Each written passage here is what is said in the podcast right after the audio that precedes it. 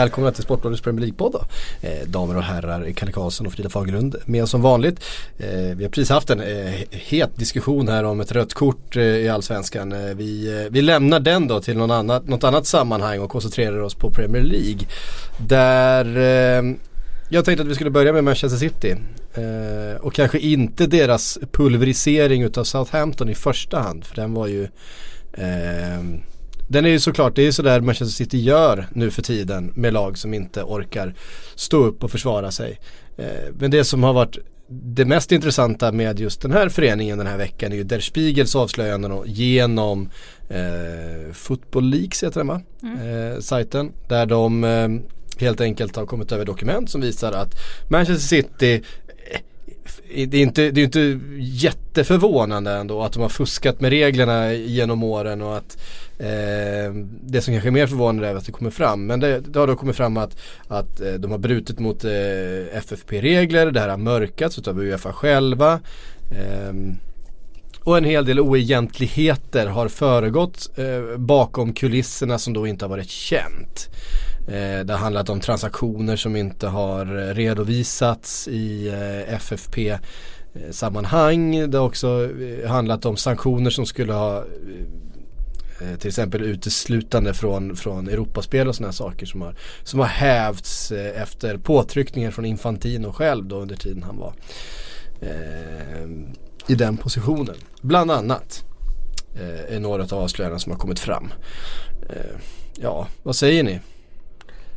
Ja, när de här rubrikerna kom så ska jag faktiskt erkänna att jag lät dem, jag läste rubrikerna och eh, lät det hela passera utan att jag gick så djupt in i det här då när det kom i veckan. Och anledningen till det var att för mig var det inga jätteuppseendeväckande eh, liksom breaking news. Att de har fått massa pengar som eh, har varit tveksamma om de är liksom om de går under de intäkterna som ska vara FFP-kompatibla.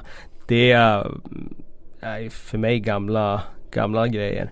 Alltså den här diskussionen hade vi ju för ett antal år sedan om att eh, ja men vad är det för intäkter man kan räkna in i det och så vidare. Och är det liksom rimligt att man får pengar från ja, de mellanhänder som de har använt för att liksom slussa in de här pengarna i de där klubbarna för att eh, nå upp till kvalifikationerna som FFP ställde jag utgick från att det var liksom vad ska jag säga, friserade siffror. Mm. Eh, och att de har gjort saker som inte är liksom enligt det regelverket, inte enligt tanken med regelverket de satte upp. Och sen att de får hjälp av, av Uefa och så för att liksom göra det så att de kommer runt det. Jag, jag ser inte det som ett alltså, uppseendeväckande så. Jag, jag, gör inte det. Utan man är så luttrad av det här. Och jag utgår hela tiden från att det, det är så mycket fulspel bakom kulisserna. Eh, jag skulle säga överallt på alla nivåer. Att ja, det är liksom eh, jag hade varit mer förvånad om, det in, om alla hade skött sig liksom Om det visade sig att, att allting har spelats by the book ja, utav Manchester City under den här Ja inte bara Manchester City, det är det jag menar. Alltså inte bara av dem utan av alla klubbar. Så om, jag, om det hade kommit fram att alla sköter sig exakt efter regelboken och det finns inga gråzoner någonstans med skatteupplägg för spelare och, och hit och dit. Då hade jag varit jätteförvånad. Då hade jag tyckt att shit det här är breaking news. Att det här kommer och jag menar alla har ju någon slags också intresse i att lösa situationen. Det är klart att Uefa inte vill att två av de största dragplåstrarna med de största mm. stjärnorna inte får delta i deras turneringar. Det säger att det andra, andra laget som förekommer i den här Saint-Germain. Paris Saint-Germain, föga förvånande. Så att, ja, jag, jag, jag har nog blivit för luttrad och under för, för många år vant mig vid tanken att det är väldigt mycket fulspel. Eh, och jag tror inget annat egentligen. Jag känner samma uppgivenhet som jag gör varenda gång det kommer fram att en stor spelare eh, döms till fängelse, står det först, för ekonomisk brottslighet. Eh, och sen så visar det sig att det blir en villkorlig dom så att de slipper att sitta i fängelse som vanligt. Det är ju alltid så.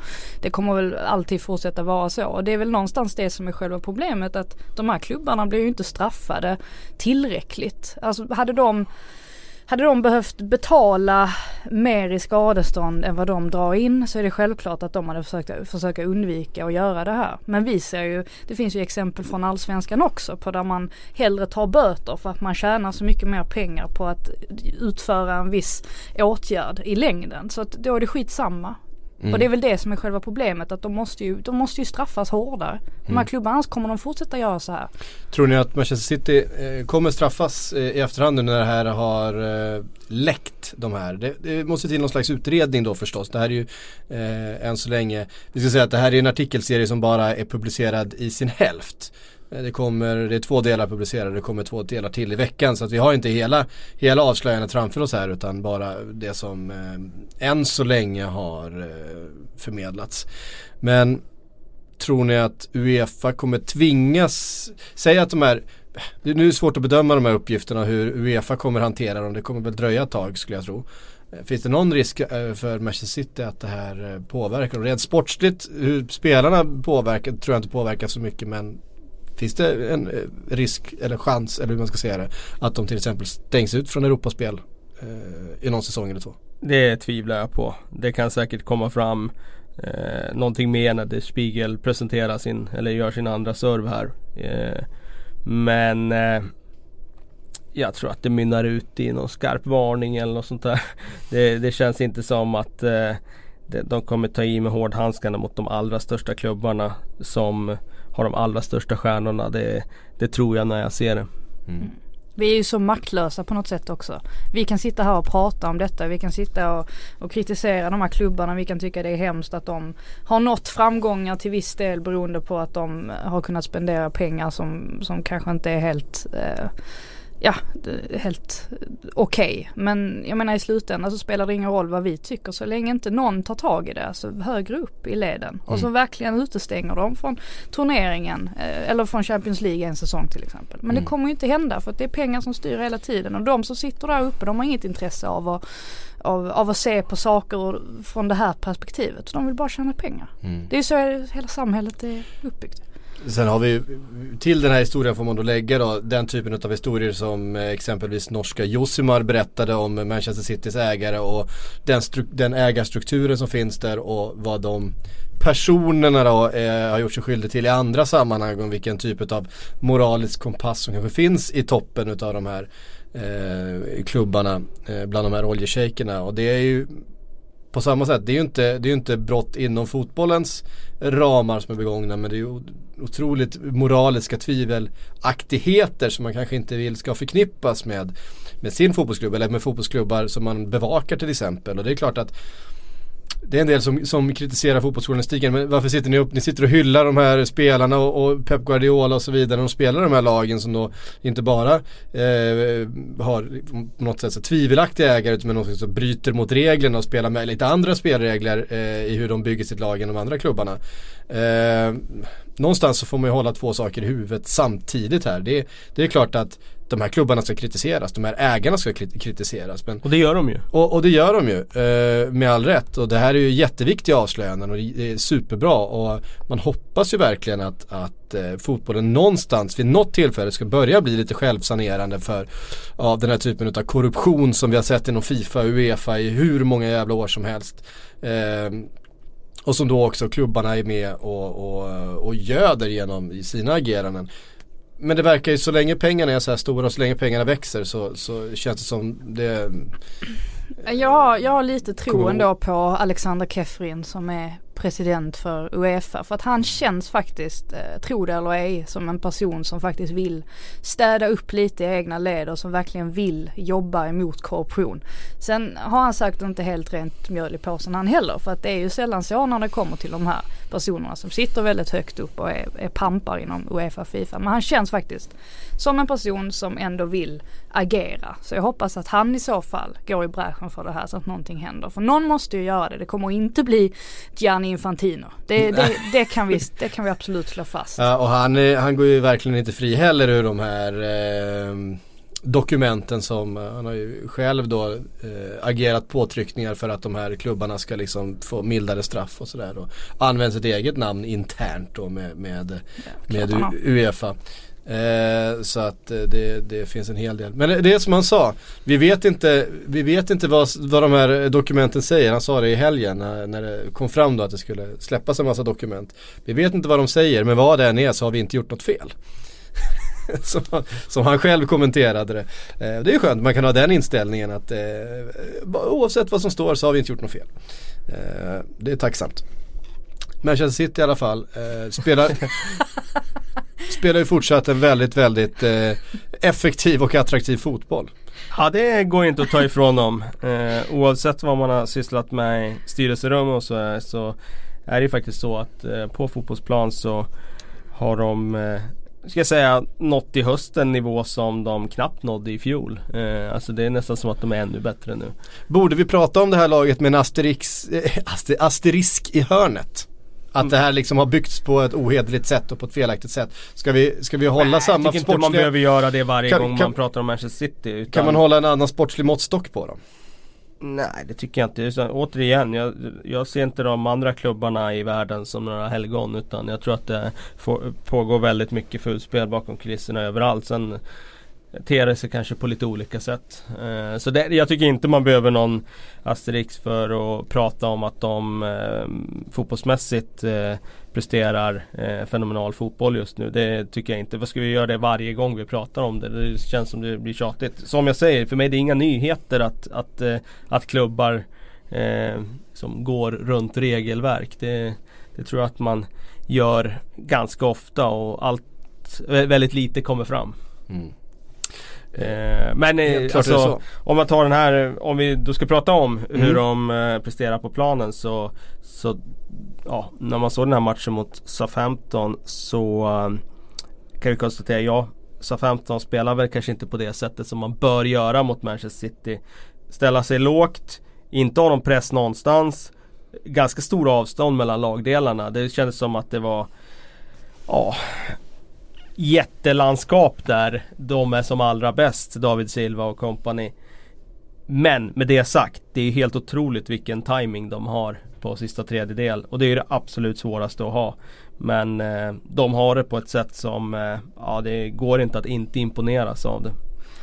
Jag har levt i en sorts tro att Mark Hughes eh, är en väldigt begränsad tränare men att han i alla fall är bra och duktig defensivt. Att han i alla fall vet vad, vad han liksom ska skicka för signaler till sina spelare eh, inom, inom det området. Men det har han ju inte riktigt. Alltså det, det, det, kunde man i alla fall inte se här. Alltså, precis som du säger så gjorde han ju Han måste i alla fall ha gett dem instruktioner om att göra precis tvärt vad man faktiskt behöver göra mot Manchester City.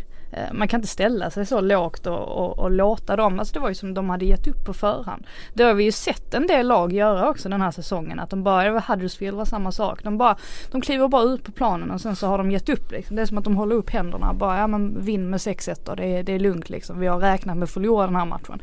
Och den inställningen kan man ju absolut inte gå in med, då, då blir det ju så här. Ja, jag håller med dig. Sen eh, det är ju jobbigt när man tittar på första halvlek så ser man Det är ju jobbigt att vara SA-15-spelare för man känner ju att de är ju inte bara ett nummer utan två nummer för stort i varje en mot en situation. Alltså de går ju förbi så otroligt enkelt. Och när man gör det så, ja då kommer ju någon annan bli ledig. Och det är det som sker varenda gång. Eh, första halvlek tycker jag. Och det, det är svårt att försvara sig om man inte kan liksom ha en, en sportmössa igen mot den situationen. Det tyckte jag inte de hade i den här matchen. Det är ju någon sekvens där, jag vet inte hur många pass det är, inom straffområdet mellan Manchester City-spelare. Det blir inte ens mål i den situationen men det, det måste vara sju, åtta passningar mellan Manchester City-spelare i Southampton straffområde. Ja, jag har aldrig sett något liknande. Det är en alltså. extrem alltså. situation är det ju. För Southampton känns som att de står nästan alla spelare. Ja, de står alla där. från kanske Men de står ju bara forward. still och tittar på. Eh, å andra ja, sidan. De det är ju ingen, det är ingen som försvarar. Det var en väldigt talande situation och sekvens för om man säger avstånden mellan eh, Manchester City och, och Southampton i kvalitet. För att om man inte ens får press på bollhållare i sitt eget straffområde när man står där nio man. Då, då, då är det kämpigt. Mm. Ja. Ehm. Men eh, vi kan väl konstatera också att SA-15 var väldigt nära att åka ur i fjol. Mm. Och det är väldigt lite som talar för att de skulle vara ett uns bättre den här säsongen. Snarare tvärtom. Och det enda de kan klara sig kvar på nu det är ju att det finns tre lag som är ännu sämre. Och det finns ju ett antal plankor så det kan ju faktiskt vara så. Men det måste hända någonting rejält där. Nu läste jag idag att Ljus får gå om de förlorar nästa match. Mm. Men frågan är om de inte ska kapa där ändå. Och frågan är hur man i styrelserummet i Southampton resonerar när man plockar in honom i fjol. Eh, har räddat, ja, räddat kontraktet då. Men kan man inte, återigen det, ha två tankar i huvudet samtidigt. Att Ja, han kanske var bra för att göra det här nu. Men är han rätt man för att leda klubben eh, från starten av nästa säsong in i framtiden? Det är ju svaret nej såklart. Mm. Det blir ju ironiskt också med tanke på anledningen till varför de sparkade Claude Puel. Ja det var för att han, han spelade inte den typen av fotboll som Southampton ska spela.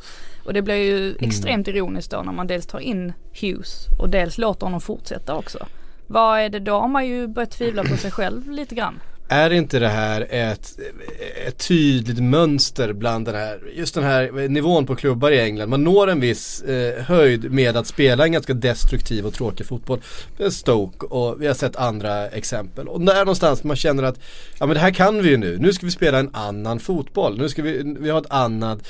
Nu för sig, Southampton tog sig faktiskt till den nivån, inte genom att spela speciellt defensiv Nej. fotboll utan faktiskt att spela. Eh, men när den offensiva kvaliteten köptes bort så var man inte beredd att eh, att, göra något, med det att, att, att kompromissa med det. Vi såg ju Swansea på samma sätt. Var inte heller beredda att egentligen kompromissa med de värvade tränare som kom med en annan filosofi. Um, och eh, det känns som ett symptom det här eh, i, i, England att du ska spela på ett speciellt du, du, du vill ha ett lag som är spelande och spelar offensivt, spelar attraktivt.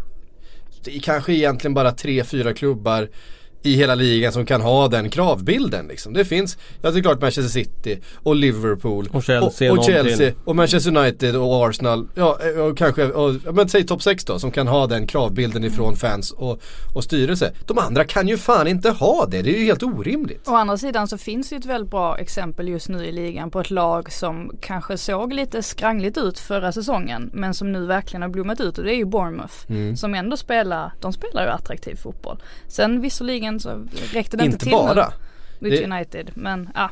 Mm. Ja men det, det tycker jag är lite roligt med Bournemouth för de kan ju faktiskt spela på två sätt. De kan ju också verkligen ställa sig lågt och täppa till och spela disciplinerat försvarsspel. Det är det som jag tycker är så eh, Men det har, ju tagit i, lite, det har ju tagit lite tid för dem. Ja, verkligen. Och, och sen hade de ju jättemycket skador förra året också. Eh, jag kommer ihåg att de hade otroligt mycket skador på nyckelspelare under en lång eh, period. Men eh, Eddie Howe tycker jag vi har ju hyllat honom jättemånga gånger här men, men han imponerar ju faktiskt i att han, han har fått ett lag som både kan kan eh, spela attraktivt offensivt och också kan, kan stänga ner matcher och, och, och, kriga sig till poäng. Jag tror att de har varit väldigt eh, konsekventa, systematiska i sitt sätt eh, när de värvar spelare där. Att de tittar väldigt mycket på karaktären på spelare, inte bara på vad mm. spelaren gör på planen utan om man tittar på lagbygget känns det som att de får in spelare som dels är väldigt ambitiösa, kanske blir ratade på andra ställen.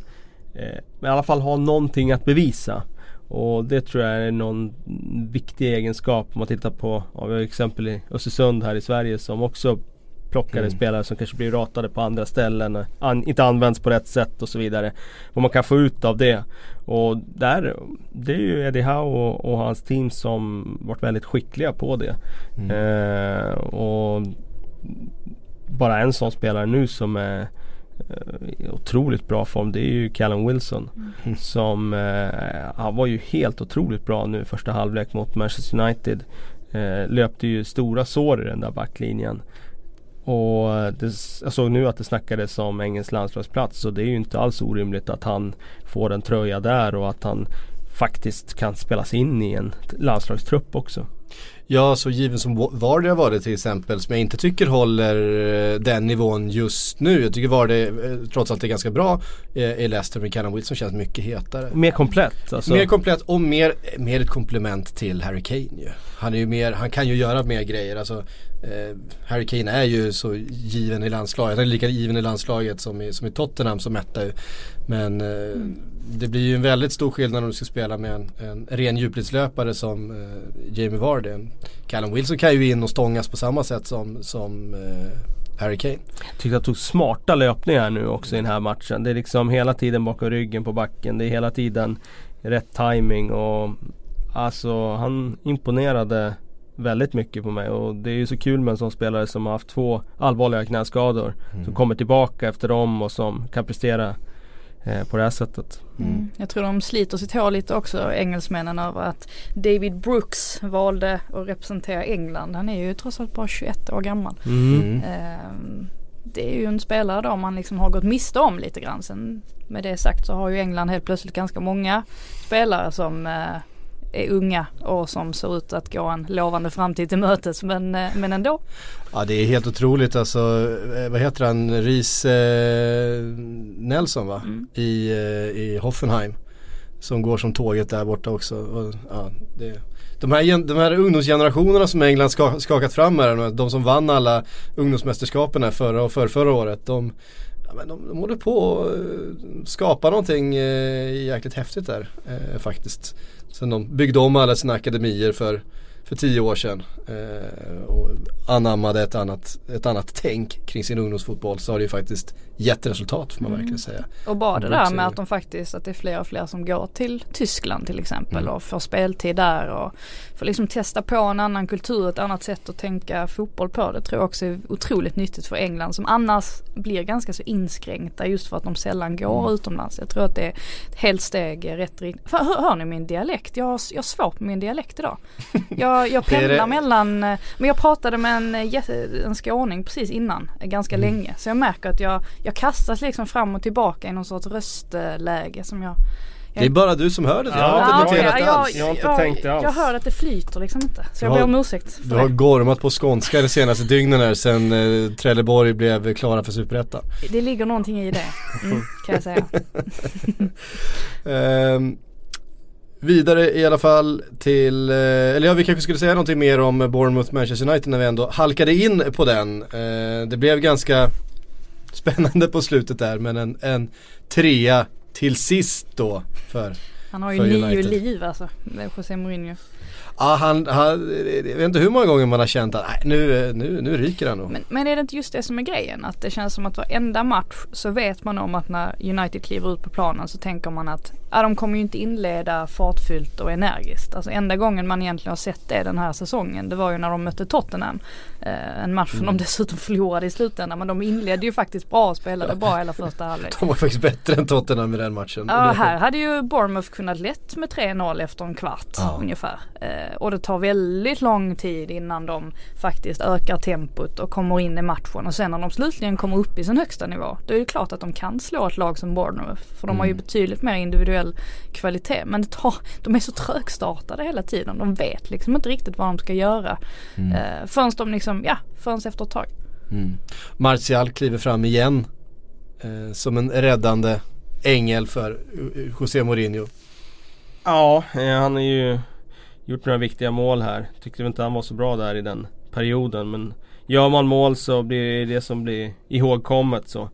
Ehm, men eh, jag fastnade ändå med på Chris Malling och hans liksom undermåliga insats. Jag vet inte vad han höll på med där i första halvlek där. Funderar på om han var köpt eller vad det var. För att han ehm, För ett par veckor sedan bara så såg ju han ut att hitta tillbaka till sitt gamla jag.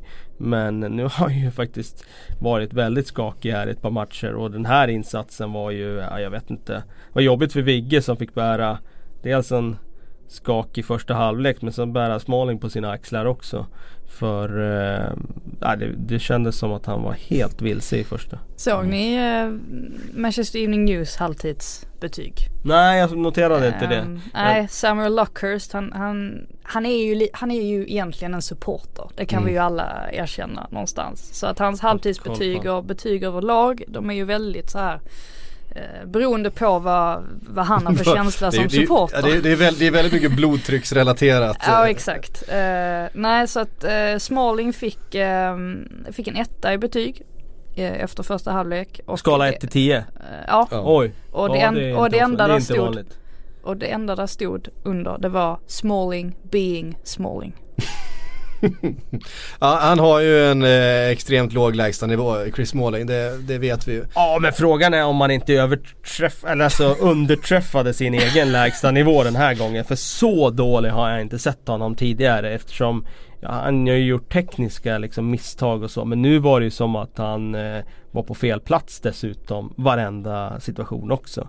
Och eh, ja, det säger väl någonting om att den där backlinjen. Det var nya rubriker nu idag såg jag om att de jagar mittback. Och, ja, man, det, ja. man, kan ju, granen, man kan ju förstå. Granen, granen. Ja det tror jag inte att det blir men eh, man kan ju förstå att när en efter en spelar sig ur den där backlinjen om man tar Ja, Phil Jones han har väl nästan aldrig spelat sig in i en eh, Rocco skadad. Alltså, så fort, så fort, Bahia så... spelas ur nu, Småling också spelas ur. Det är bara Vigge kvar där nu. Det är klart att de behöver en ny mittback. Yeah. Så, så fort Phil Jones spelar sig in i den där backlinjen så sparkar han sig själv i huvudet. Ja men ungefär så. så. Är det det jag menar? Alltså han blir ju aldrig någon kontinuitet för honom. Ja, jag måste läsa upp eh, omdömet för Fred också efter ja. matchen mm. från, från Samuel Luckhurst. Då, då ger han, Fred hade alltså en nolla i betyg efter första halvlek. Den ökade till en etta.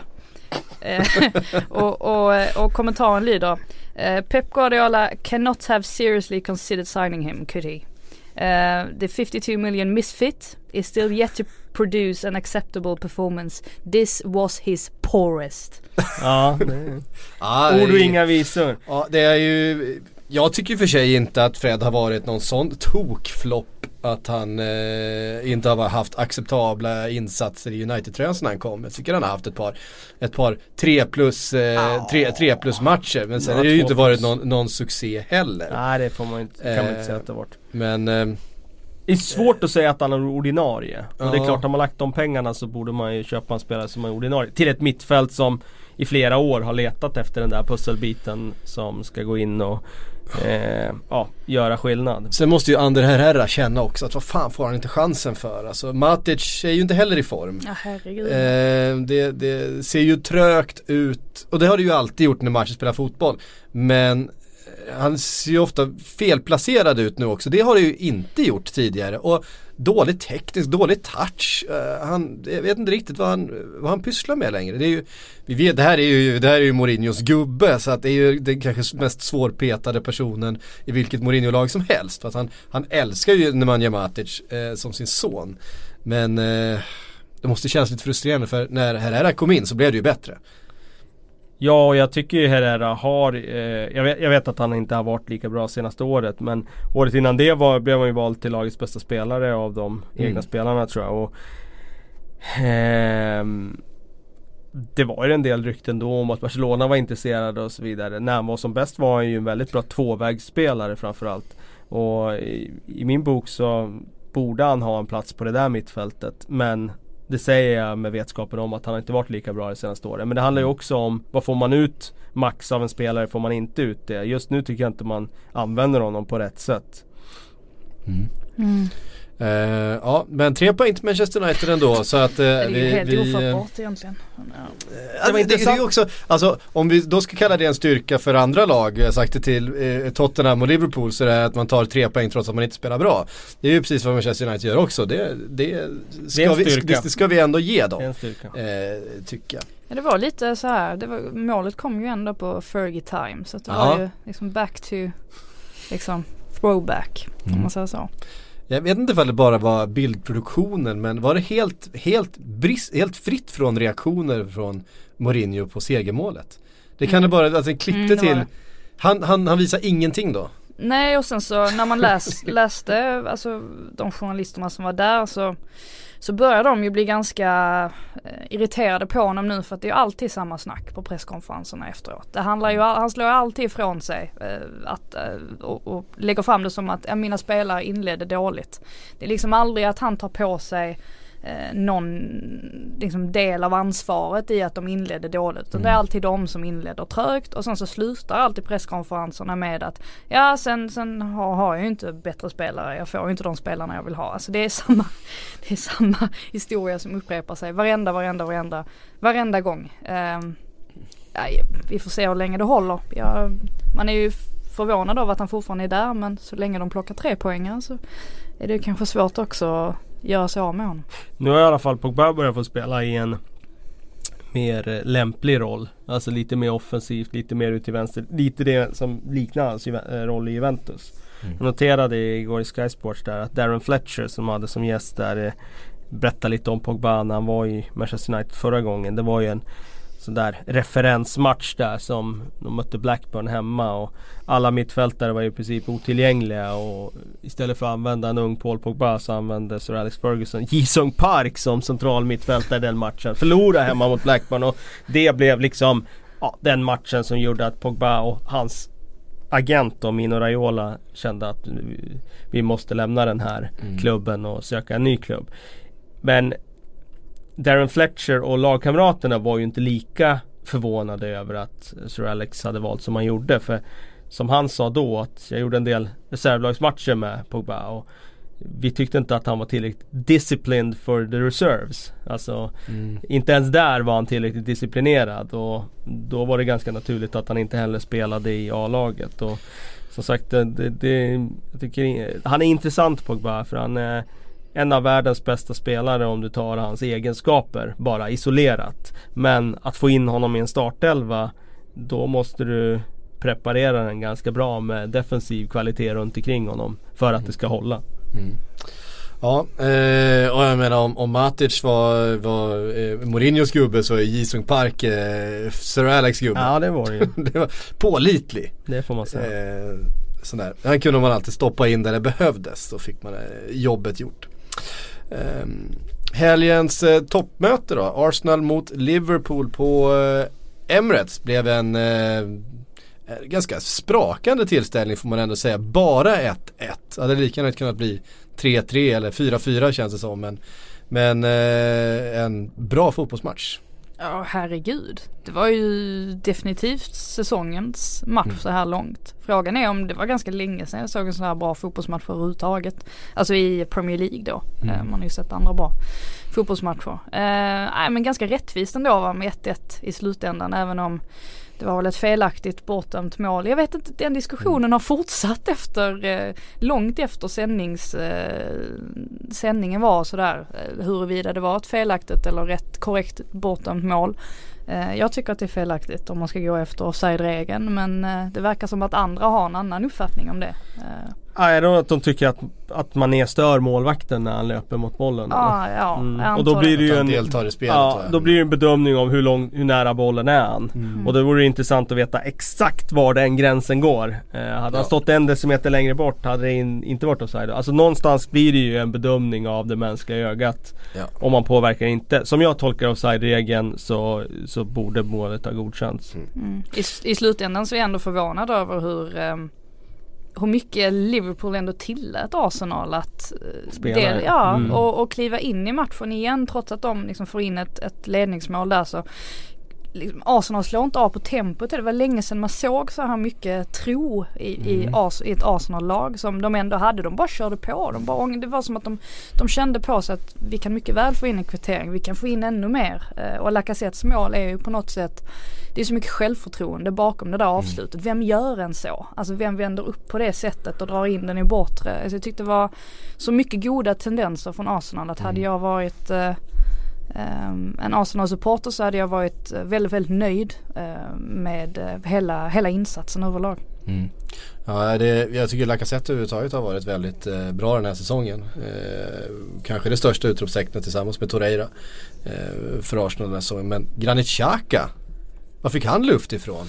Måste jag pudla nu? jag tror vi måste pudla alla tre. Vi har väl, vi har väl delats, eh, turats om och, och eh, delat kängor till, till Granit Xhaka under säsongerna här. Men eh, här var han ju en av planens bästa spelare. Det var han. Eh, men jag tror att det man har efterlyst är ju att Granit Xhaka ska vara lika bra som han faktiskt är i landslaget. Eh, och i landslaget har han ju alltid haft en helt annan roll eh, än vad han hade stora delar av Arsenals förra säsong. Ehm, där han fick betydligt mer defensivt ansvar. Och Granit Xhaka ska inte ha defensivt ansvar. Men med Torreira bredvid sig så slipper han ju, då har han någon som man kan förlita sig på betydligt mer. Eh, och jag tycker precis som du säger, Torreira är ju definitivt en av de bästa värvningarna Mm. under sommaren, alltså han har ju avla, han avlastar så mycket i, i, i Arsenals defensiv. Um, och definitivt gör han ju Xhaka bättre. Um, sen vet vi att Xhaka han har ju legat i topp i ganska länge nu i antal slagna passningar och, och tacklingar och, och sådär. Men jag tycker väl att det har saknats någonting hos honom. Eh, han har varit lite, lite för mycket upp och ner. Eh, förhoppningsvis kan Emery få honom att prestera mer jämnt framöver. Eh, James Milner gjorde målet för eh, Liverpool och var väldigt besviken efter matchen och, och var just inne på det här att eh, vi släppte till alldeles för mycket ytor och vi, vi var eh, inte koncentrerade tillräckligt när vi hade den här matchen och hade den här eh, ledningen. Eh, vi kunde kontrollerat ut den här matchen här. Sen, James Milner som var väldigt bra igen. och ett viktigt mål såklart. Mm. Sen var ju inte Fabinho jag tyckte inte han var speciellt bra. Nej det var han inte. Han hade kämpigt i den här mm. matchen. Jag förstår på dig att han har gjort några riktigt bra insatser här nu. Ja, sämre Röda Stjärnan. Mot sämre motstånd ja. Röda, Röda Stjärnan eh, på Anfield var han ju, jag tror han hade 18 bollvinster i den eh, matchen vilket är helt sinnessjukt och en central mittfältare i den här rollen kanske brukar snitta runt 4. Eh, men Eh, det var ju ett helt annat, en helt annan nivå på motståndet och det, det är klart att han, han eh, har lite kvar i det här eh, Klopps presssystem innan han riktigt sätter när han ska kliva upp och när han ska kliva in och vilka ytor som går att att släppa då va. Där, där ser man ju faktiskt, även om man kan kritisera Jordan Henderson för att han blir lite saktfärdig ibland och, och, lite dålig med boll när han är satt under press. Han är väldigt bra på att inte själv sticka i pressen i fel lägen utan han, han släpper aldrig ytan. Eh, han är ju på inget sätt en, en, en, perfekt spelare för den där positionen men han kan rollen. Eh, och det är en ganska svår roll. Det är nog den svåraste rollen i ett kloppsystem att spela den defensiva pjäsen i det 4-3-3 spelet för att de andra är ofta iväg på, på eh, pressuppdrag. Mm. Eh, vilket gör att det är oerhört viktigt att den spelaren aldrig, aldrig förlorar sin position och aldrig släpper fel fel yta liksom. Och där, där missar han ju lite grann. Det var också därför som, som eh, Naby Keita inte heller har fått eh, helt för, förtroende eh, i startelvan hela vägen. För att, och Klopp har varit inne på att när han, han lämnar fel ytor när han sticker i sin press. Han har inte, liksom, han har inte lärt sig riktigt när, när tres, pressen ska komma i vilka eh, tillfällen och sådär. Så det, det är svårare än man kan tro tror jag. Att komma utifrån in i det här systemet. Ja, alltså de kommer ju säkert eh, fortsätta utvecklas och, och, gå åt rätt håll. Men jag tyckte, man såg även mot Cardiff också, när Fabinho, att han slog bort en del bollar mm. och så vände sig Oavsett hur dålig bollen än var så vände sig alla lagkamrater om och så klappade liksom uppmuntrande mot honom. Ja. Det märks ju att så gör man ju mot en spelare som kanske inte känner sig helt hundra eh, procents eh, bekväm mm. i systemet. Så att förhoppningsvis för hans del så kommer det väl komma så småningom. Ja, jag tror att ja, han kommer ju få, få spela in sig i den här rollen. Nu, nu kändes det som att, att eh, Klopp tyckte att han var redo. Han, han sa ju Flexibility is great. That's why there's yoga. Flexibility for your insurance coverage is great too. That's why there's United Healthcare Insurance Plans. Underwritten by Golden Rule Insurance Company, United Healthcare Insurance Plans offer flexible, budget friendly coverage for medical, vision, dental, and more. One of these plans may be right for you if you're, say, between jobs, coming off your parents' plan, turning a side hustle into a full hustle, or even missed open enrollment. Want more flexibility? Find out more about United Healthcare Insurance Plans at uh1.com. Visserligen införa att han är nästan redo Eh, sen så skador gjorde då att han var tvingades hoppa in och, och starta då eh, mot Röda Stjärnan hemma. Det var ganska tacksamt. Det var ett motstånd som inte bjöd på speciellt mycket eh, hot. Eh, och sen Cardiff eh, samma sak. Men här blev det en helt annan sak. Och det är ju någonstans centralt som, eh, som det känns som Liverpool är som sår, mest sårbara. Det går att spela sig igenom det där mittfältet framförallt ytorna som uppstår när, när två av tre spelare är så högt upp i press. Så är det nog. Eh, samtidigt ska man komma ihåg att de får ganska många bollvinster av den där pressen. Mm. Som leder till målchanser och då får du alltid som tränare göra en bedömning om man vinner mer än man förlorar på det. Och man kan inte vinna på allt man gör utan det finns ju ofta en baksida av det. Man mm. kan inte täcka allt. Så att, um, det handlar nog om att bara foga in dem i, i det där tänket och till slut så kommer det att bli bra. Även med Keita, även med Fabinho. Mm. Men det understryker ju också vilken enorm betydelse en sån spelare som Milner har. För han eh, vet ju exakt var han ska sätta varje fot. Och han tar inte ett enda felbeslut i vare sig när det gäller press eller hemjobb eller någonting egentligen. Uh, och jag tycker så häftigt med, med honom att han har inte spelat så många år i den här ligan i sin bästa position. Utan när han kom fram i Leeds var han inte central mittfältare. Utan han spelar ju egentligen bara där i Aston Villa som mm. centralfältare. Och inte och, hela tiden där heller. Nej, inte hela tiden utan det var ju där den där säsongen där när han var så otroligt bra. Kan det ha varit 08-09 kanske? Och det var säsongen precis före han, han eh, köptes i City va? Ja mm. precis, för sen så köptes han ju till City i augusti precis innan fönstret stängde och då hade han gjort ett par riktigt bra insatser i början av den säsongen där. Och eh, i city, eh, samma sak där. Hjälp gumma. Fick mm. eh, hjälpa till lite här och där. Gjorde säkert någon match ibland som central men aldrig någon kontinuitet där. Mest på kanten ju. Mest på kanten mm. och mest liksom bara släcka bränder. Mm. Alltså han användes ju aldrig egentligen som någon spelare som Ja det var kanske något år han var någon spelare som hade någon större betydelse i city. Och sen till Liverpool där han blir vänsterback och allt möjligt. Och sen nu har han fått spela centralt och då är han så bra i match efter match att det går inte att peta honom. Det är liksom Jag tror att det någonstans undermedvetet eller någonting så tror jag Klopp liksom när säsongen startar att eh, Ja vi behöver ju en ny mittfältare. Därför vi köper Keita liksom förra året och vi behöver ju en ny mittfältare. Därför köper Fabinho. Att man liksom tänker att ja, vi behöver nog nya mittfältare där. Men sen ser man liksom måndagsträning, Milner är bäst tisdag. Ja, han är nog bäst där också. Och sen kommer matchen, ja, han är ju bäst där. Det går liksom inte att, att plocka bort honom. Nej, det, dessutom ska du ersätta spelaren som springer en dryg kilometer mer än någon mm. annan på planen. Match efter match efter match. Gör massa assist. Ja, jag vinner ju assistligor eh, vart varannat år och, och sådär. Ja, han är, han är brutalt bra. Alltså. han är speciell. Speciell Och det roliga är ju också det där med att eh, det är inte så Han är fortfarande bo boring James Milner. Ja, dels det. Men eh, det är tre år sedan han gick till Liverpool. Det var inte så många, så många klubbar som stod i kö för hans underskrift då. Och vad kostade han? 10 miljoner pund eller något Nej, sånt där. han kom gratis. Var det gratis till och med? Ja, ja du ser. Gratis.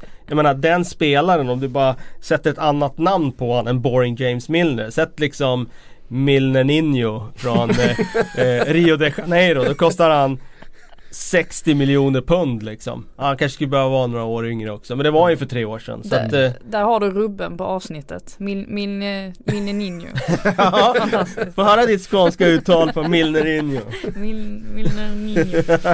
det går knappt. Um, det var bara en grej till från den här matchen. Vi kan ju snacka hur länge som helst den här matchen. Men var det inte lite intressant att det var två solklara straffar åt varsitt håll som domaren bara blundar för. Det är ju väldigt märkligt tycker jag att målvakter kan göra precis vad som helst. Kan hoppa rakt in i en spelare. Mm.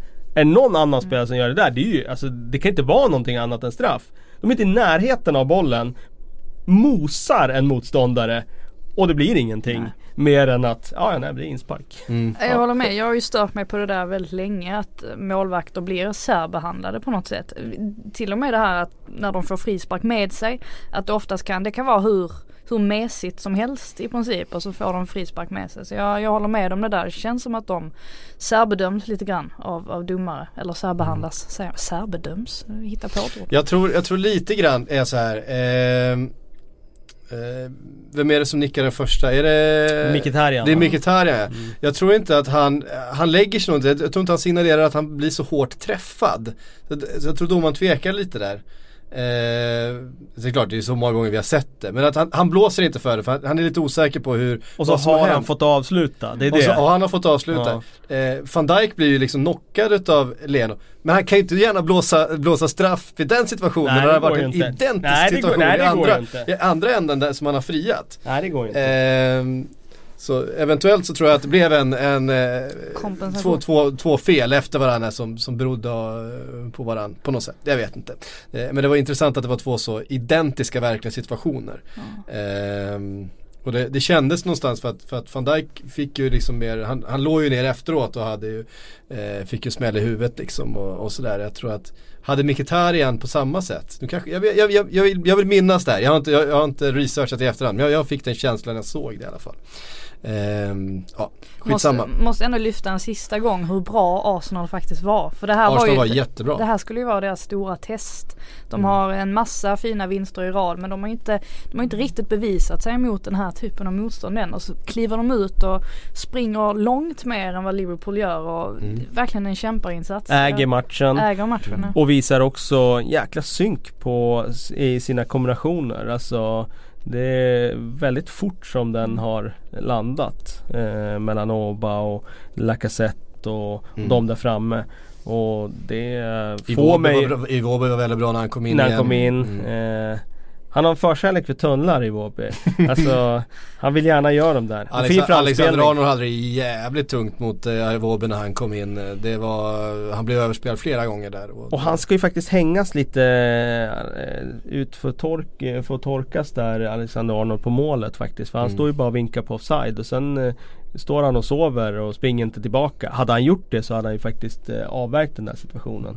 För Alisson är ju bra ute där och han, han täcker ju av så pass mycket att han inte ens eh, tar ett avslut utan han är, han är ju helt och hållet där.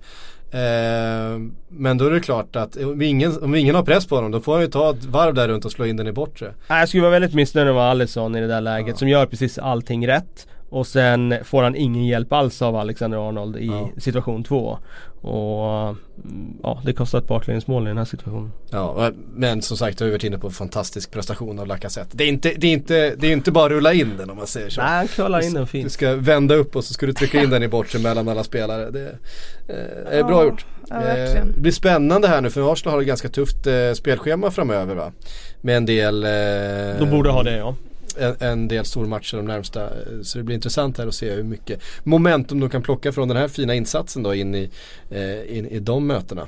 Ja de har nog självförtroende i alla fall. De har Wolves hemma, Bournemouth borta, Tottenham hemma, United borta, Huddersfield hemma, Southampton borta, Just det. Burnley hemma fram Ja. till jul. Det var inte så jag. farligt. Nej men jag, ja, det, det är den där det, att de har, där. Ja det är dubbeln där som jag kommer ihåg från, eh, från spelschemat. Den är ju, blir rätt avgörande om man säger så. För att eh, spelmässigt så tycker jag att Arsenal när de kliver in i ett, i ett North London Derby för första gången eh, Kanske inte som underdogs på ett par Ett par säsonger. år. Ja, det så är det nog. Från att, från att, eh, från att ha varit för första gången nästan någonsin underdogs i det mötet. Så har de ju varit under ett par säsonger här nu men nu kanske de, vi får se nu lite hur, hur formen ser ut här i matcherna inför. Men det, det, Det märks ju att de spännande tror mycket mer på Mm. sitt pressspel nu och att de är liksom Det känns som Min tolkning från utsidan är att de har jobbat betydligt mer strukturerat med sitt pressspel nu eh, Emery har varit mycket, mycket mer noggrann med det Och det ger en trovärdighet in liksom till gruppen va? att de tror mycket mer på det nu. Mm. Och tror man mycket mer på det, då gör man det också. Då utför man det bättre. Så det blir liksom en positiv spin-off här. Där ehm, Eftersom de tror så mycket på det nu så får de ut mer. Och när de får ut mer så tror de ännu mer på det. Och då kommer de göra det match efter match och få ut mer och mer av det. Så att, eh, ja, det känns som att det är en positiv, eh, positiv känsla kring Arsenal och eh, det de har påbörjat. Måste bara flika in också de här intressanta eh, spekulationerna om att Wenger är på väg att ta över Milan. Det är ju lite, lite roligt så här. Vad är han? En 69 bast? Ja, räcker det? Nej det räcker kanske inte. Han vill aldrig sluta med fotbollen. Det är ju rätt imponerande att han orkar Ja. hålla på. Han måste ju, Eh. där snackar vi någon som älskar fotboll över allt annat. Ja, och eh, alltså de uppgifterna är ju Han är 69 ja. Han är 69, bra. Oj, Precis, vad född sjukt att 69. jag kunde. Eh, född 49. Eh, ja, det är klart att det är, ja. Har han så mycket mer? Jag vet inte, om jag, var, om jag, om jag hade varit Milan-supporter så hade jag varit lite jag varit lite skeptisk till det här om jag ska vara riktigt ärlig. Ja fast jag är ju bara exalterad över att ha Wenger tillbaka eh, Det kan- inom toppfotbollen så att Det kan jag också vara i och för sig. Det, är ju, det hade varit jävligt roligt för han kom dit och bara gjorde sån jävla succé. Att han bara fick det här laget att spela Wenger-fotbollen som vi kommer ihåg. Den här snabba passningsfotbollen med eh, alla fina fötter liksom som, eh, som vi kommer ihåg från eh, Kanske inte från, från Invincibles-åren men jag tänker nästan så Fabregas eh, när de var bra igen där eh, runt 2010. Ehm, den, den fotbollen. Den var ju, på tal om attraktiv fotboll. men pratar han italienska? Nej. Han, Ja det tror jag. han pratar alla språk. Jag tror han pratar alla språk Ja. alltså. Det jag tror tänker att det, det borde väl rimligtvis vara, en, vara ett krav. Han är ju helt flytande på tyska till exempel. Han är ett geni alltså. Ja. Åh, det finns ingen jag älskar så mycket som. Är det så? Ja, jag är, jag är helt, jag är helt såld. Mer än Tom Prahl? Pff, vad svårt. Ja. Ja men det är två härliga gubbar liksom som man aldrig vill ska lämna fotbollen. Och de kommer ju alltid tillbaka. De kommer alltid tillbaka. Är det inte som tränare som rådgivare? Ja precis. Wenger, Tom Prahl och Sam Allardyce. Vi får väl se vem som tar över Southampton här nu då. Trelleborg tror jag du skulle säga. Men hörni, Newcastle tog första segern. 1-0 mot Watford. Halleluja. Det, var, det satt långt inne men eh, till slut kom den. Trean. Kanske inte helt välförtjänt heller men eh, eh, någon, förr, eller sen, förr eller senare så, så händer det ju. Eh, det, jag vet inte hur det påverkar stämningen där. Jag, jag tror fortfarande att Newcastle ligger jävligt risigt till för att eh, det har inte sett så bra ut men vad fan, tre Men- poäng. Vi måste ändå säga till Newcastles försvar att de har ju inte släppt in så många mål. Alltså de, de har ju inte varit effektiva framför mål absolut. Men de har ju heller inte de är är ju faktiskt ett av efter de lagen som har släppt in, eh, nu får jag använda det ordet, färskt mål. Det är alltså ett skånskt ord som är fast. Nej det heter färskt. Fast? Färskt mål. Ja, Minst antal. Ja. Ja fast det är färskt det är ju Fär, den då, rätta. men det så ska man ju säga färskt antal. Men det sa jag ju. Ja, ja, ja jag Ja. är med. Men då ska, man inte, då ska man inte säga minst antal heller. För det är ju Nej, så man har Minst fått antal lära är sig att egentligen säga. fel. Ja. Färskt är det rätta. Mm. Eh, Newcastle har ju släppt in eh, då väldigt, väldigt få mål. eh, så att jag menar defen- defensiven borde de ju ändå Ja. vara ganska hy- nöjda med. Mm. Men är inte det Rafa? Alltså hans lag kommer väl aldrig släppa in många mål? Kommer Nej. de göra det? Nej. Har han gjort det någon gång någonstans? Jag, Inte vad jag... Det var väl en period i, Mi- eller i Napoli In- där eh, Ja, eh, ja. som, som de Eh, släppte in en del och spelade ganska offensivt men, eh, men i grund och botten så är han ju en, en, en försvarstänkare. Eh, så är det ju. Han bygger ju ramstarka lag mer än någonting annat. Mm. Men jag tänker bara att det hemliga receptet för att klara sig kvar i, i vilken liga som helst. Det är ju dels att man släpper in ganska få Mm. mål. Och så måste man ju göra ett gäng mål framåt också. De är i alla fall inte så pass i brygga att de både har ett läckande försvar och de gör Nej. inte mål. De har ett av två och nu måste de liksom hitta ett sätt att bli mer effektiva. Du menar att det är spelbart eh, Newcastle med nytt kontrakt? Jag har ju sagt det redan från början att jag tror att de kommer klara sig kvar. Eh, Just av den anledningen. Jag tycker inte att de är ett av de sämsta lagen i, i ligan. Jag tycker det finns lag som är sämre. Fulham till exempel. Där kan vi snacka om alltså något som där kan vi läcker. snacka krisernas kris alltså. Ja. De åker alltså i det här läget som de är. Då åker de alltså och möter Huddersfield. Ja. Och är så mycket sämre än vad Huddersfield är. Det är, ju bara, det är ju bara 1-0 men det är Ja. ju, de är utspelade. Helt utspelade mot Huddersfield. Vi snackar Huddersfield som knappt har Som, som vi räknar som en av de här plankorna Ja, inför alltså, säsongen. ja eh, det, alltså de har ju, för mig har de framstått som en planka sen om vi tar bort de första tio omgångarna förra säsongen Mm. Så har Huddersfield varit en planka sen dess. De har ju inte tagit många poäng sen dess. Och Alltså de var så mycket bättre i precis allting igår. Och Fulham hade ju verkligen ingenting. Jag tror jag såg statistiken, de hade inte en enda bra målchans. Så ligger de under större delen av matchen. Eh, Och har ett offensivt viktat lag. Ja, alltså det, det finns ju ingenting just nu att bygga på där. Eh, jag kan inte se någonting annat än att det blir stora förändringar i Fulham. För det här kan ju inte fortsätta. Nej, Jokanovic måste ju ryka. Det måste vara lägst odds i alla fall. Ja, han blev ju det för någon vecka sedan där. Ja. Men eh, det är ju också det här att eh, det är ju svårt med en tränare som är en hjälte i klubben för att ta dem uppåt. Mm. Och sen när man ska klippa banden i nästa. Jag tror att han har säkert jättebra relation till ägare och sådär. där. Men det är ju, alltså vi har pratat om det med om, eh, Neil Warnock ju. Han är ju. Han är ju en expert på att ta klubbar upp från Championship. Warnock har gjort det massa gånger. Men han är ju kanske en, en, en tränare man ska ha till just det. För när han väl är uppe i Premier League så räcker det ju inte till med vilken typ av spelare som ska in och rekryteringar och, och, och lagbygge och sådär. Eh, Jokanovic kanske, det är väl kanske lite det vi var inne på innan. Alltså, man har en viss tränare till en viss uppgift. Eh, och det här har ju uppenbarligen inte blivit speciellt bra. Ehm, West Ham får vi också nämna, tvålade till eh, Burnley med 4-2. Vi Eh, måste prata om Arnautovic. Ja alltså min första grej Arnautovic vs Tarkovski, vad håller han på med? Alltså jag fattar att han åkte på en propp av, av Tarkovski tidigare men han kan fan inte hålla på och springa runt och håna på det där Så det sättet. var så fair play nu. Det är, väl, det är väl lite roligt, är det inte det? Det är lite kul med lite så här Det, det här får ju. Sebastian Larssons agerande att framstå som, eh, som rimligt. Bara Ja, att Arnautovic kommer ju aldrig gå ut i efterhand och be om ursäkt för det. Nej och det är väl, det är väl lite en, eh, det är ju en del av Arnautovic hela appearance. Det är ju att vara så. Hela appeal tror jag det skulle säga. Nej det också. Nej men han är ju, han är ju den, den här typen av person och människa. Det, det vet ju varenda en som har, eh, som tittar på honom eh, Ja. när han spelar fotboll. Eh, det, är en, det är en bad boy på planen och han kommer vara så här jävlig. Och jag kan väl tycka att det är inte så jävla farligt. alltså Tarkovsky själv reagerade ju inte på det just då. Han ignorerade det ju. Han tog det ju ändå. Men så passade han på att sänka. Vem var, vem var det han smällde på vid eh, West Hams, var det 4-2 målet som Chicharito gör? Han, han klipper en West Ham-spelare så brutalt.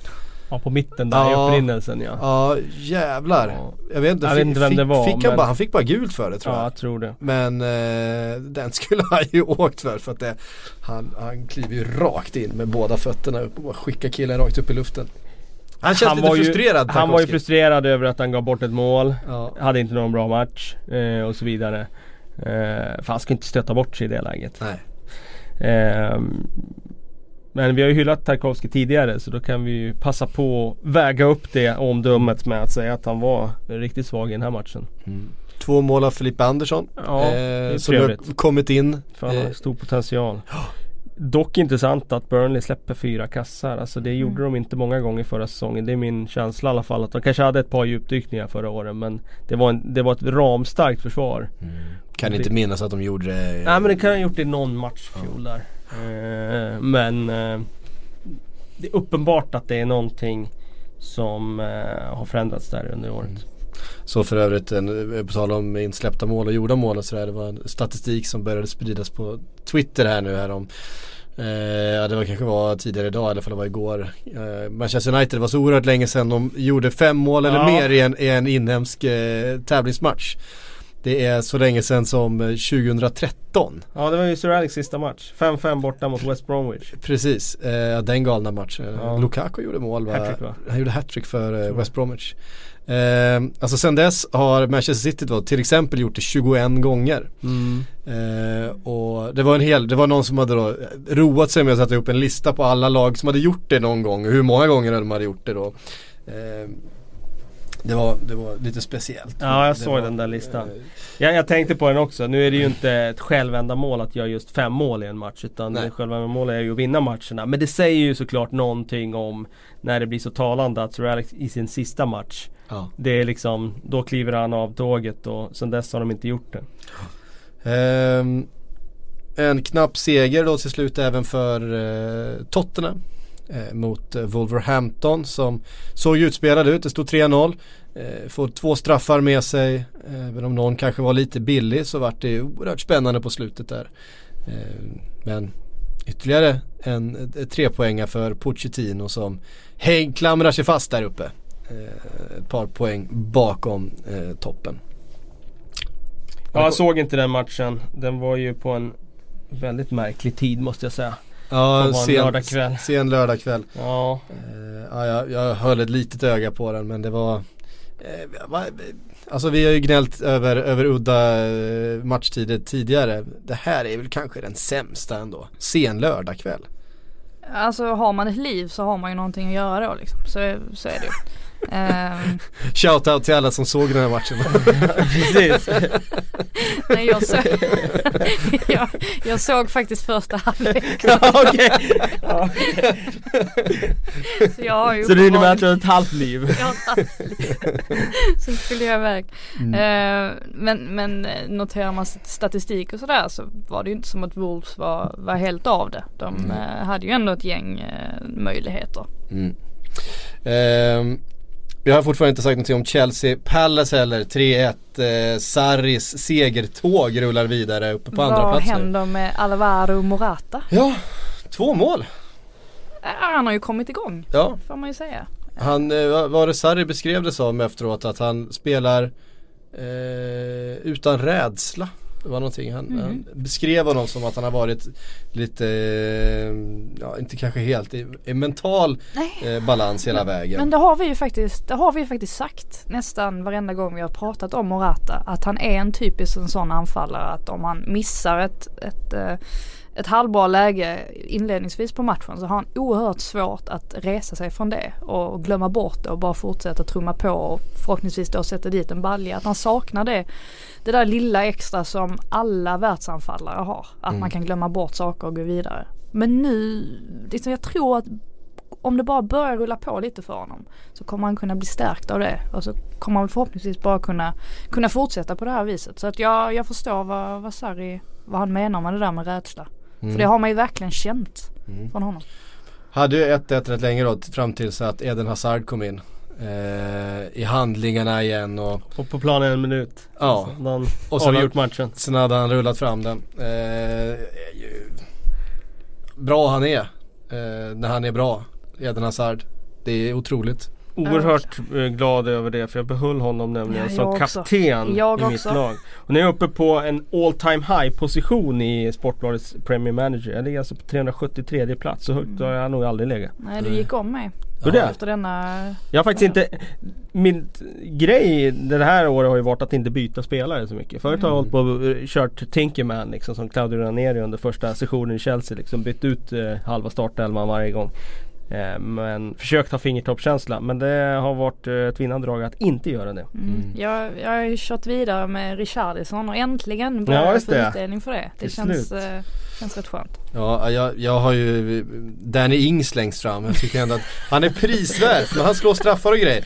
Nu blev han ju, jag menar, eh, Det är helt otroligt. Jag trodde du skulle ha så här Shane Long som inte har gjort mål sen kvarn brann och Lee Cattermole som knappt eh, liksom har Gillar- spelat en match på tre år. jag gillar Shane Long. Det ska Steve Sidwell. Steve Sidwell, om han hade varit tillgänglig så eh, hade han varit given. Lee Cattermole, Steve Sidwell hade jag på inne mitt. Ja, utan Shane. Long och Danny Ings på topp. Men Ja. Ings han, han, gjorde, han gjorde mål den Ja, han, omgången. han satte straffen. Så att eh, absolut.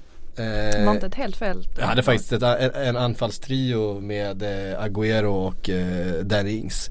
Och Mané längst ut. Mané fick väl inte så mycket poäng i och för sig men eh. Ings satte straffen och Agüero gjorde ju det borde ju ha fått poäng. Han gjorde ju Mm. ett regelrätt mål enligt oss. Det stämmer. Eh, hur som helst. ehm, Vi måste säga någonting om Leicester. Jag tänkte vi skulle före vi tar lite frågor bara runda med att det var en känslosam seger för eh, Leicester borta mot Cardiff. Helt otroligt att de vann den matchen. Ja, efter en halvtimme tänkte jag det här går aldrig.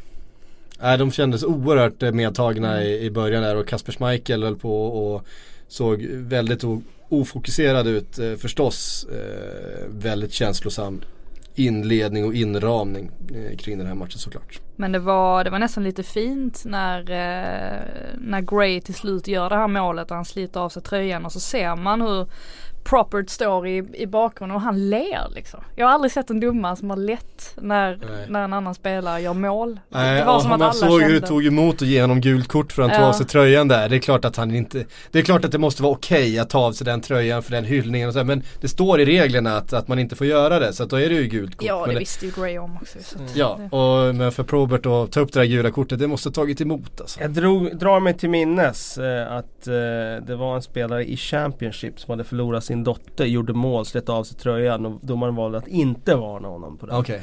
Så att det går ju att kringgå reglerna som domare.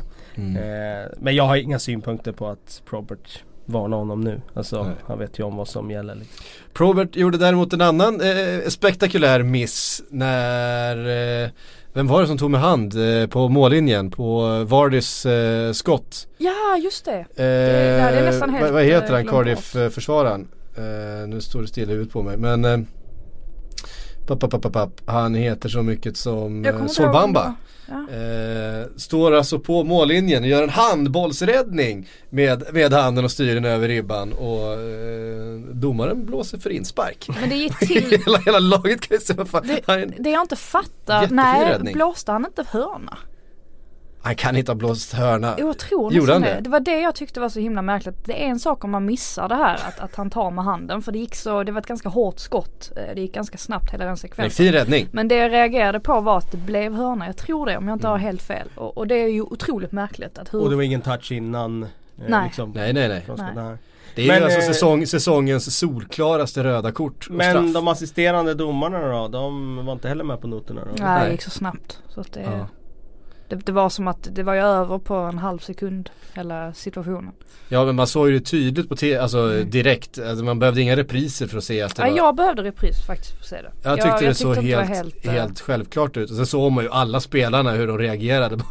Vad, fan, hur kan Mm. det inte bli? Däremot ska sägas att det ska faktiskt vara offside precis innan så att Någonstans blev två felet rätt här därför att Vardy är faktiskt offside när han får bollen för målvakten är, är nedanför honom. Målvakten har ju missat sin, eh, sin utrustning där. Så att han har faktiskt bara en försvarare nedanför sig när eh, bollen spelas fram till honom av Madison.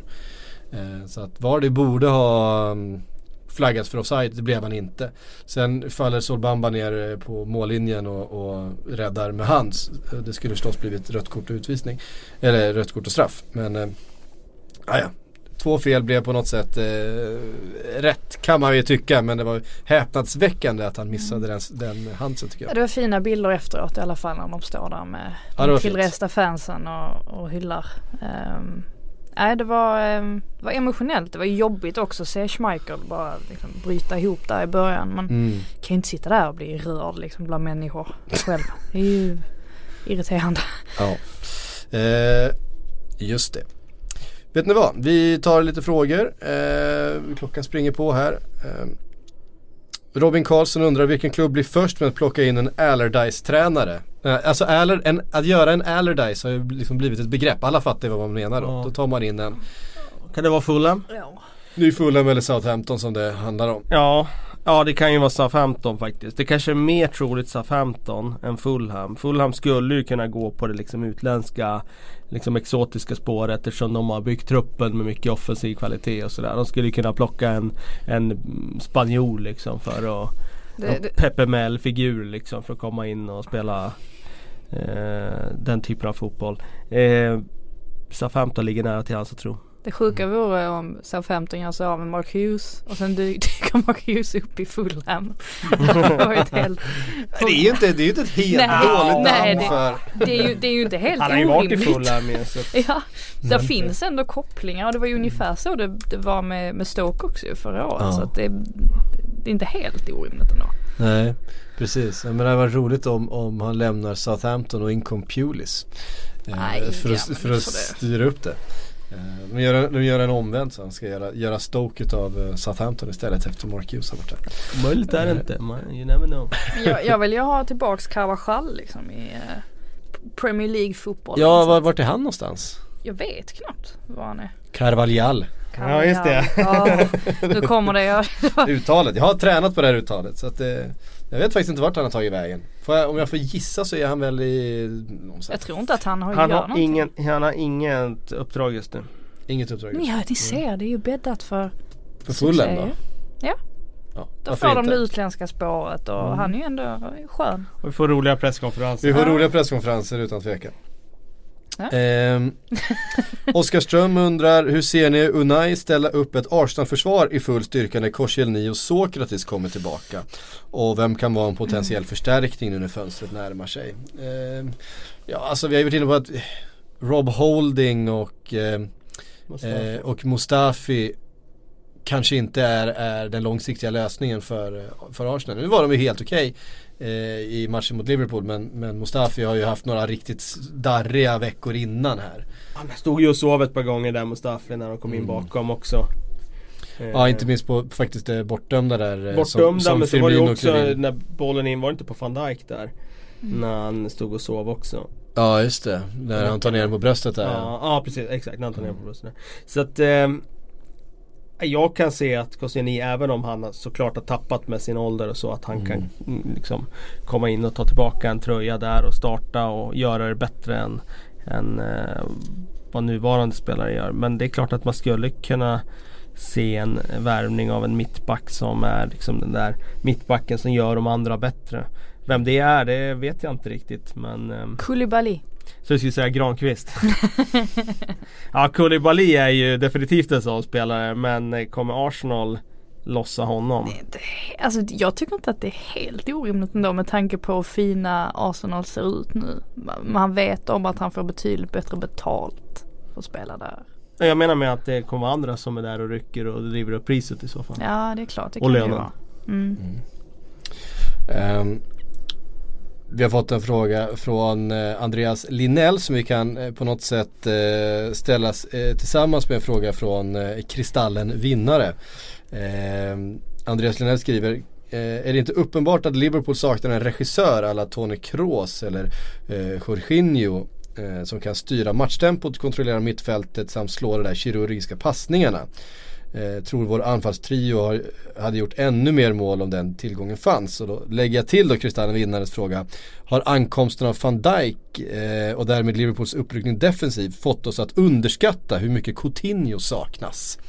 För någonstans har, har någonting har ju hänt offensivt. Eh, det ser inte lika sylvast ut längre. Det skapas inte riktigt lika mycket chanser. Och det ser inte riktigt lika bolltryckt ut på mittfältet som det såklart gjorde Fast hela våren så får man ju komma ihåg att Liverpools anfallsspel såg ju jättebra ut. Med tanke på hur långt man gick till Champions League, man besegrade Manchester City. Mm. Så att det, jag vet inte om den teorin, eh, den brister ju lite där.